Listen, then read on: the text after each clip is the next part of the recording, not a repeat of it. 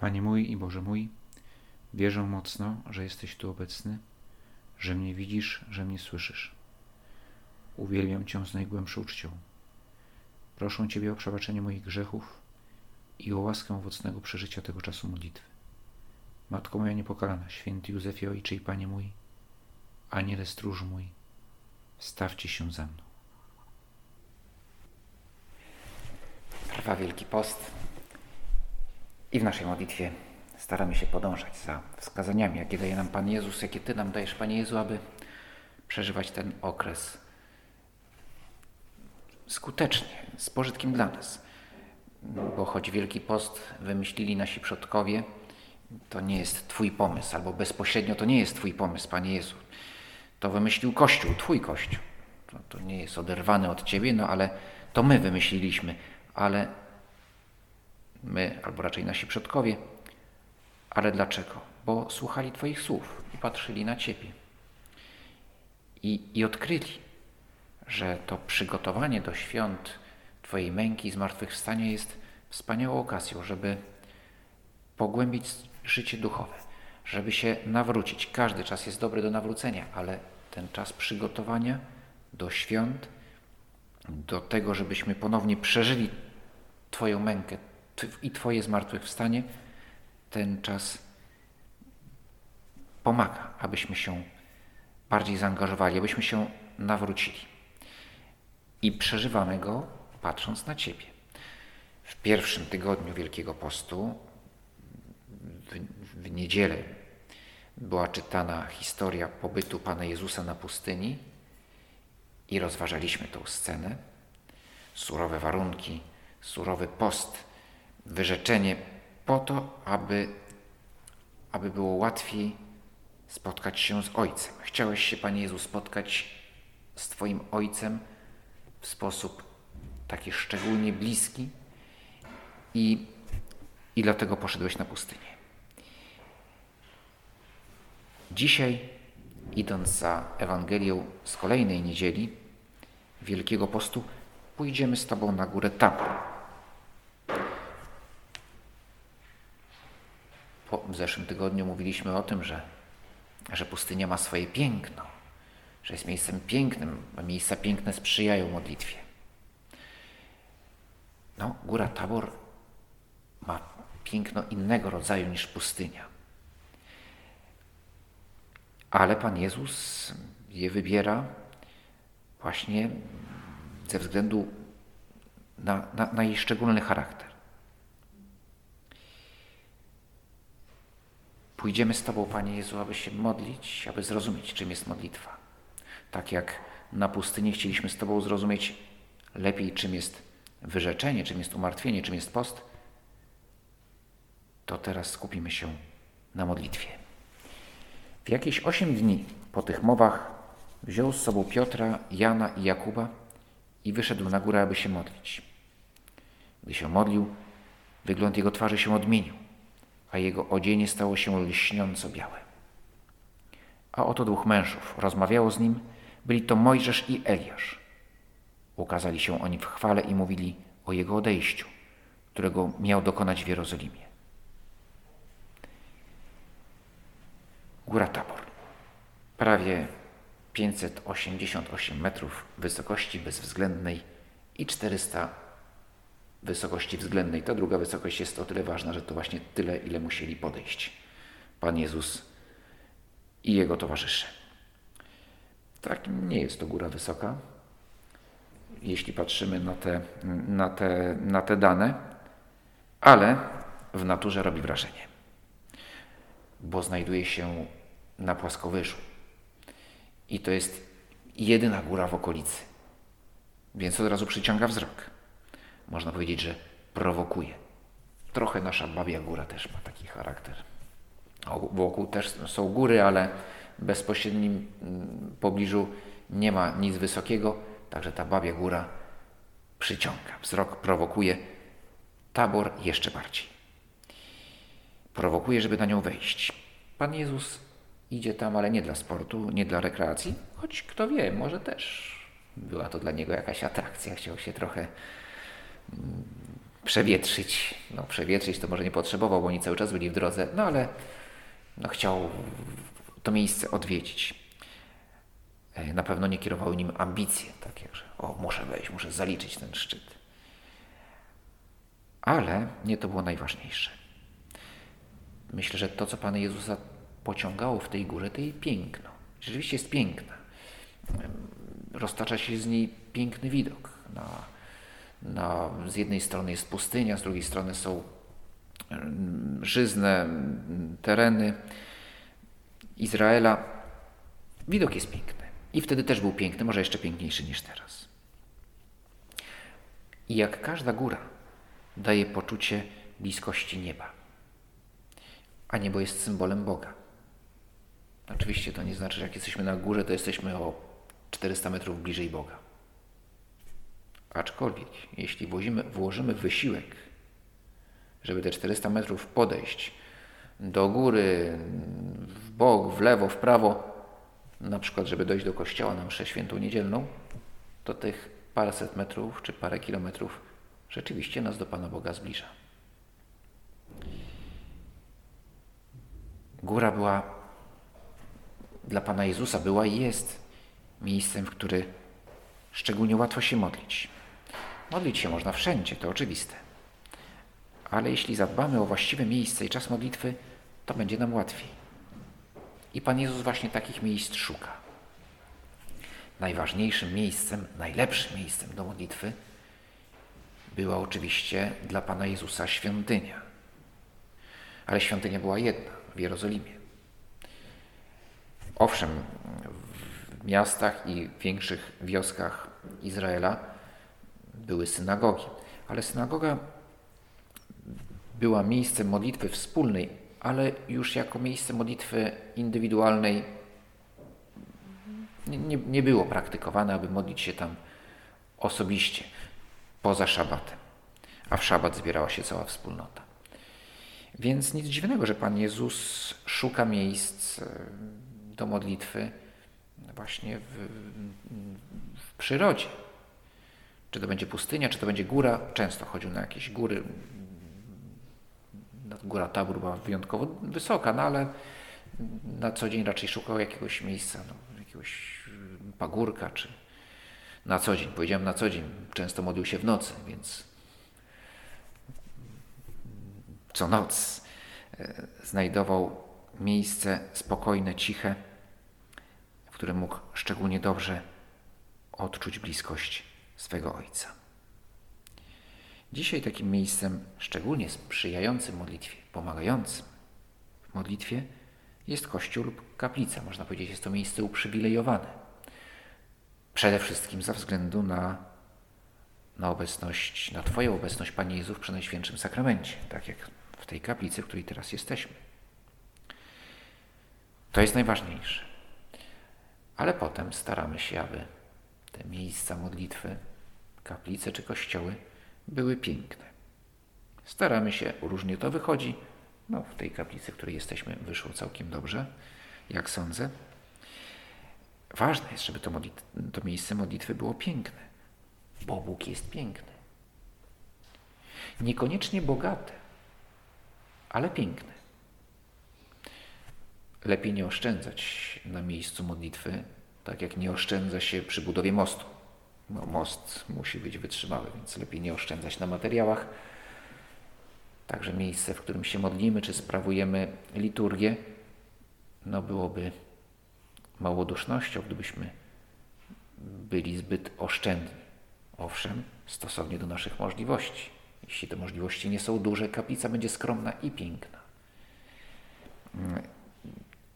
Ale, ale jeżeli są większe, no byłoby szkoda, gdyby, gdyby, gdyby z powodu naszego skąpstwa czy złego gustu świątynia, kościół czy kaplica były po prostu dziadowskie. Nie ubogie, ale dziadowskie. To jest różnica między ubóstwem, które może być dawać poczucie prostoty, yy, sprzyjające modlitwie, a zwykłym dziadostwem, że jest brudno, że jest niechlujnie, że, jest, że brakuje, brakuje dobrego, dobrego gustu.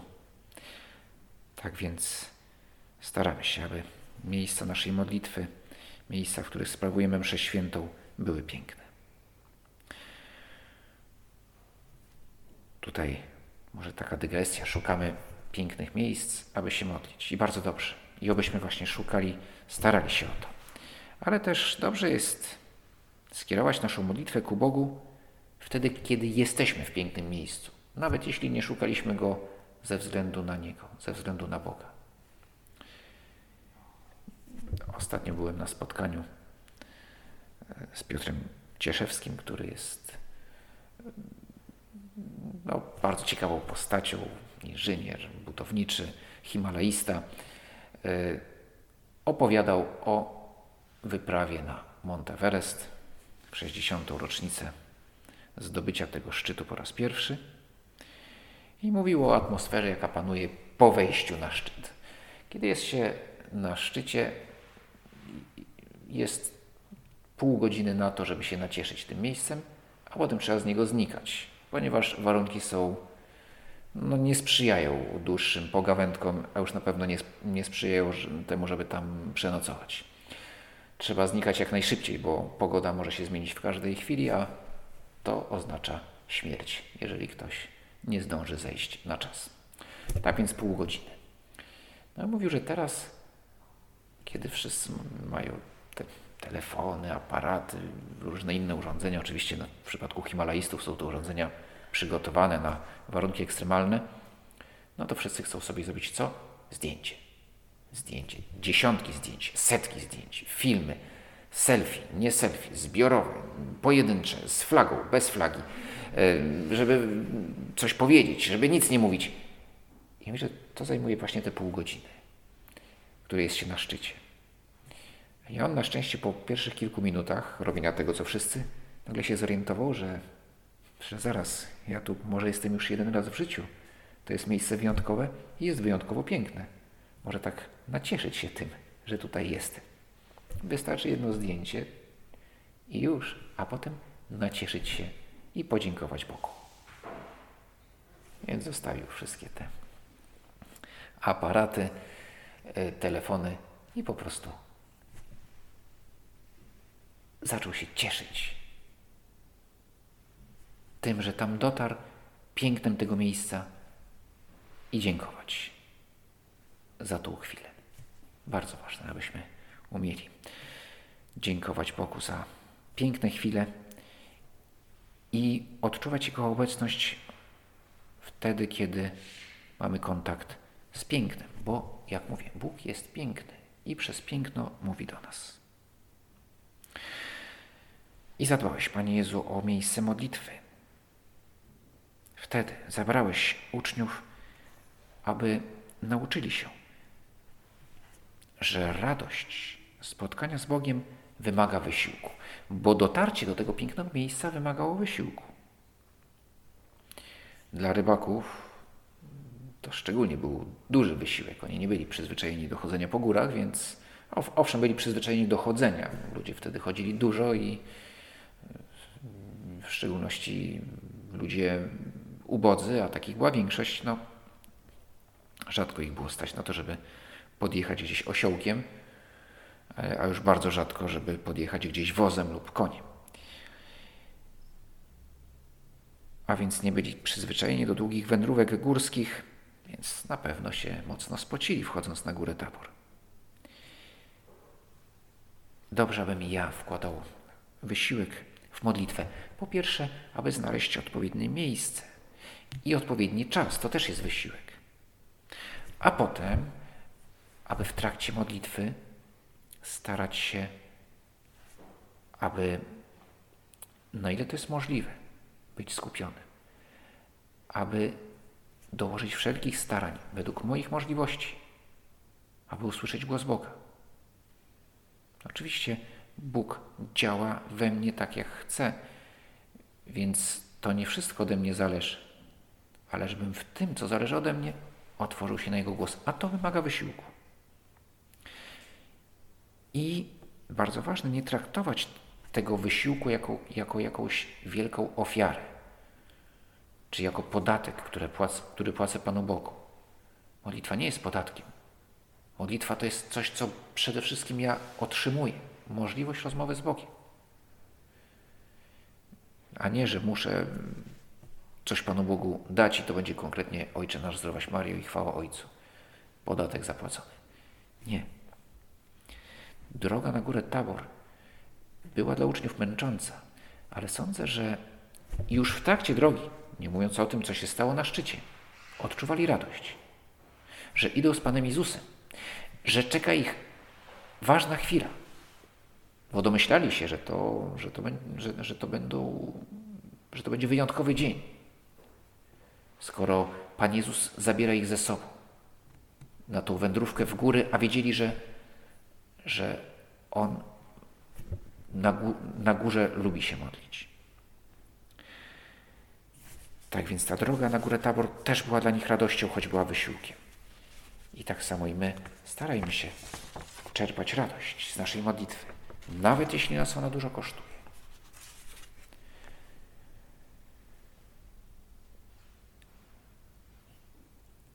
Twarz Pana Jezusa się odmieniła w czasie modlitwy. W Jego twarzy można było ujrzeć moc i piękno samego Boga. W Panu Jezusie łączą się dwie natury, boska i ludzka. Uczniowie widzą na co dzień naturę ludzką i oto przez chwilę mogą zobaczyć, doświadczyć tego, że ich ukochany nauczyciel nie jest tylko człowiekiem, że jest Bogiem. Boska natura, można powiedzieć, przebija się przez ludzką naturę. My mamy tylko ludzką naturę, więc no, nie przebija się przez nas e, natura, której nie mamy. Ale w czasie naszej modlitwy Bóg przenika nas, nie tylko nasze umysły, przenika też nasze ciała. No, tego nie widać, ale czasami twarz osoby, która jest autentycznie skupiona na modlitwie, w tej twarzy widać coś więcej niż tylko skupienie. Nie chodzi o jakieś nadzwyczajne zjawiska, ale, ale no i dzieje się nie tylko w ludzkim umyśle, dzieje się coś niezwykłego, w naszym ciele również. Bo wiem, że twoja, Twoje światło jest we mnie. Czasami nawet są osoby, które właśnie w czasie modlitwy osobistej nie lubią, żeby ktoś był, ktoś, ktoś patrzył, że to traktują jako sprawę bardzo osobistą, wręcz intymną, że nie chcę, aby ktoś, ktoś widział na mojej twarzy radość ze spotkania z Bogiem, które przeżywam w czasie modlitwy. Dobrze, ale oczywiście nie zawsze tak się dzieje. Na ogół nie ma jakichś szczególnych znaków na, na, na naszym obliczu, kiedy się modlimy. Nie zmienia się nasza twarz, ale, ale zmienia się serce. Zawsze, kiedy się modlimy, zmienia się nasze serce. Bóg odmienia nasze serce. Mówi dalej ewangelista, że również szaty Pana Jezusa zaczęły lśnić. Kiedy się modlimy, świat wokół nas też się zmienia. Choć, chociaż może tego nie widać od razu, ale się zmienia. Dzieje się coś bardzo ważnego. Dlatego modlitwa, nasza modlitwa, oprócz tej modlitwy, która już mm, osobistej, którą odbywamy w miejscu, w czasie, specjalnie na to przez nas znalezionym. Bardzo ważna jest też modlitwa na ulicy, w tramwaju. Modlitwa na przykład różańcowa szczególnie dobrze pasuje do, do komunikacji miejskiej czy, czy, do, czy do sytuacji, gdy, gdy, gdy, gdy idziemy ulicą. Ta modlitwa, której nikt nie widzi, ale jest skuteczna, która może rozświetla mrok, który jest wokół nas. Bo, bo może być, że w tym tramwaju, w którym jadę, wielu ludzi jest smutnych. Być może niektórzy mają w sercu zło i zwracają się ku złu. I tego nie wiem. A czasami wiem, czasami to widzę. I wówczas moja modlitwa jest światłem, które, które w sposób niedostrzegalny, ale dociera i czasami do zakamarków, których sam się nie spodziewam, że może dotrzeć. Pamiętam film Potwory i spółka, tam czy też pamiętacie. Świat potworów, który jest jakby poza światem ludzi, ale między światem ludzi i potworów jest, są drzwi, jest możliwość komunikacji, no i potwory potrzebują energii i czerpią tą energię z ludzkiego strachu. No i dwa potwory, które pracują w elektrowni, mają za zadanie od, przechodzić codziennie na stronę do świata ludzi, straszyć i za pomocą odpowiednich urządzeń przekazywać energię do świata potworów. Wszystko jest oczywiście ukazane w konwencji bardzo zabawnej. To nie jest horror, tylko to jest film dla dzieci, kreskówka. No i właśnie co się dzieje. Okazuje się, że jedno dziecko zamiast się bać, to się cieszy, jak widzi te potwory. I się śmieje. I potwory, te, tych dwóch potworów, nie wiem, inżynierów nazwijmy to, czy elektryków, nie, nie, to nie są elektrycy, oni są pracownikami elektrowni. Także nie wiem, jak się nazywa pracownik elektrowni, w każdym razie yy, odkrywają, że kiedy dziecko się śmieje, to ładunek energii jest bez porównania większy niż kiedy się boi. I za pierwszym razem, kiedy ono, bo dziecko trafia do świata potworów, co jest w ogóle jakimś yy, bardzo poważnym wykroczeniem przeciw regulaminowi, no i kiedy zaczyna się śmiać, w całym bloku, w którym mieszkają owe dwa potwory, pękają żarówki, bo ładunek energii jest tak wielki. Dobrze, może właśnie nasza modlitwa yy, daje moc, daje energię ludziom wokół nas i oni tego mogą być nieświadomi. Ale, ale modlitwa jest skuteczna.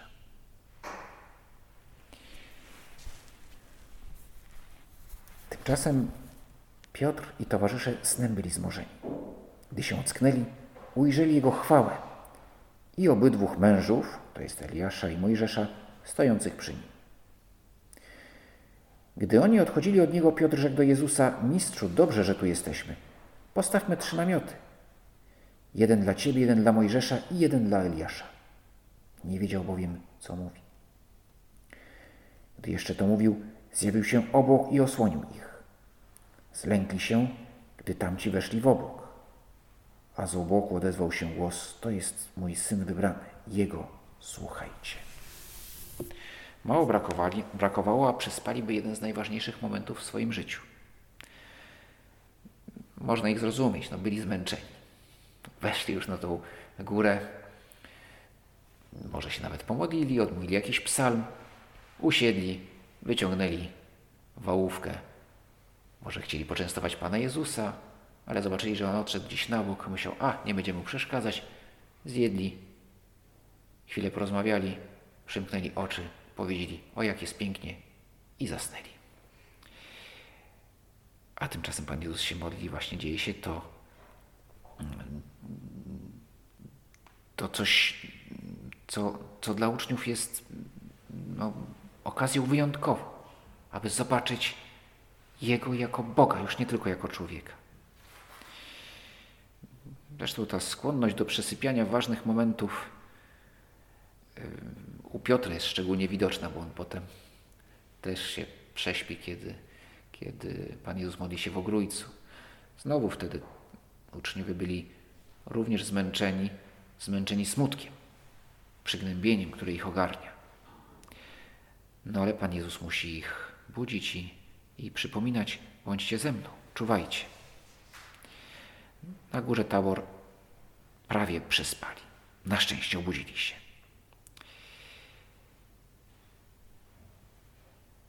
starajmy się nie przespać tych pięknych chwil, które Ty, Panie Boże, dla nas przygotowałeś. I te piękne chwile to są, to są również, a może przede wszystkim chwile modlitwy, którą możemy przespać. Możemy przespać, czasami dosłownie przespać, po prostu chcę się modlić i zasypiam. Ale bardziej możemy je przespać, kiedy nie wkładamy wysiłku w naszą rozmowę z Bogiem. Kiedy odmawiamy modlitwę w sposób formalny, kiedy odmawiamy ją tylko z obowiązku, kiedy w czasie mszy świętej tak jestem, bo tak trzeba, bo takie jest przykazanie, ale tylko czekam, kiedy ona się skończy. I wówczas przesypiam tą modlitwę.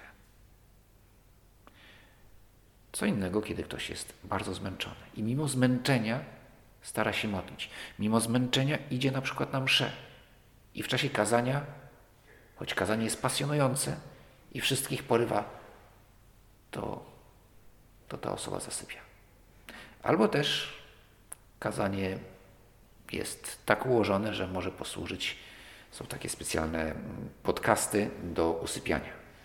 Tak, żeby ktoś chce zasnąć i nie może zasnąć, to więc może być takie kazanie właśnie, może bez takiej intencji wygłaszane, ale z takim efektem ktoś się bardzo starał i zasnął. Trudno. Ale chciał, ale przyszedł, ale się starał. I to jest bardzo dobra modlitwa. Błogosławiony Alvaro, kiedy był jeszcze studentem, odbywał służbę wojskową i przyjechał na, na Dzień Skupienia do ośrodka Opus Dei.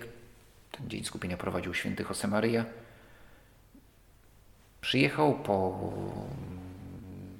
dotarł do ośrodka po całej nocy spędzonej w pociągu.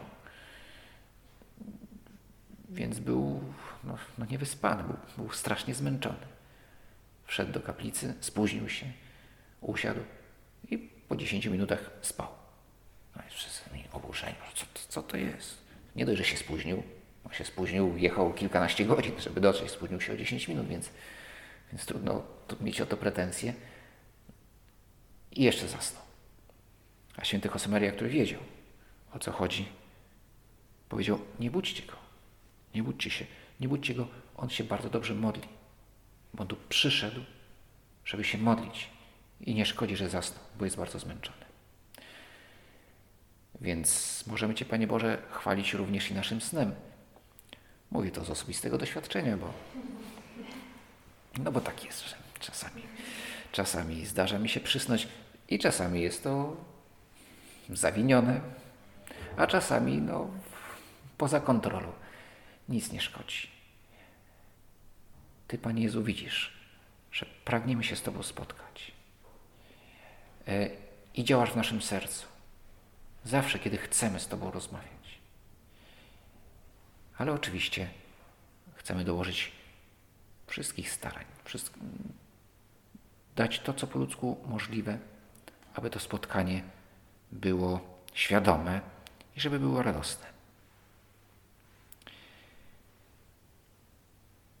Dobrze, że tu jesteśmy. Postawimy trzy namioty.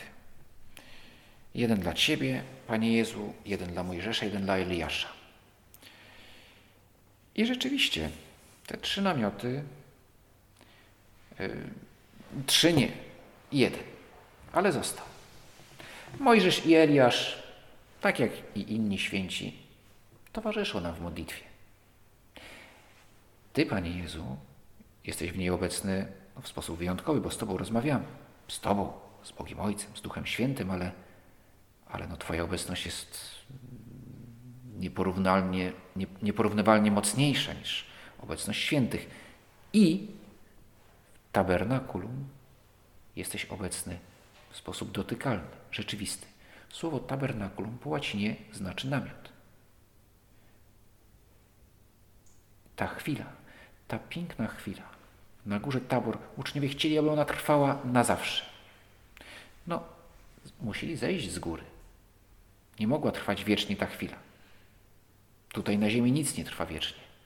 Ale Ty, Panie Jezu, zostałeś. Zostałeś. Spełniłeś ich prośbę. I w każdym tabernakulum mamy Ciebie i możemy Ciebie spotkać. Tym samym każda kaplica, każdy kościół, w którym jest przenajświętszy sakrament, w którym jest tabernakulum, staje się taką górą tabor.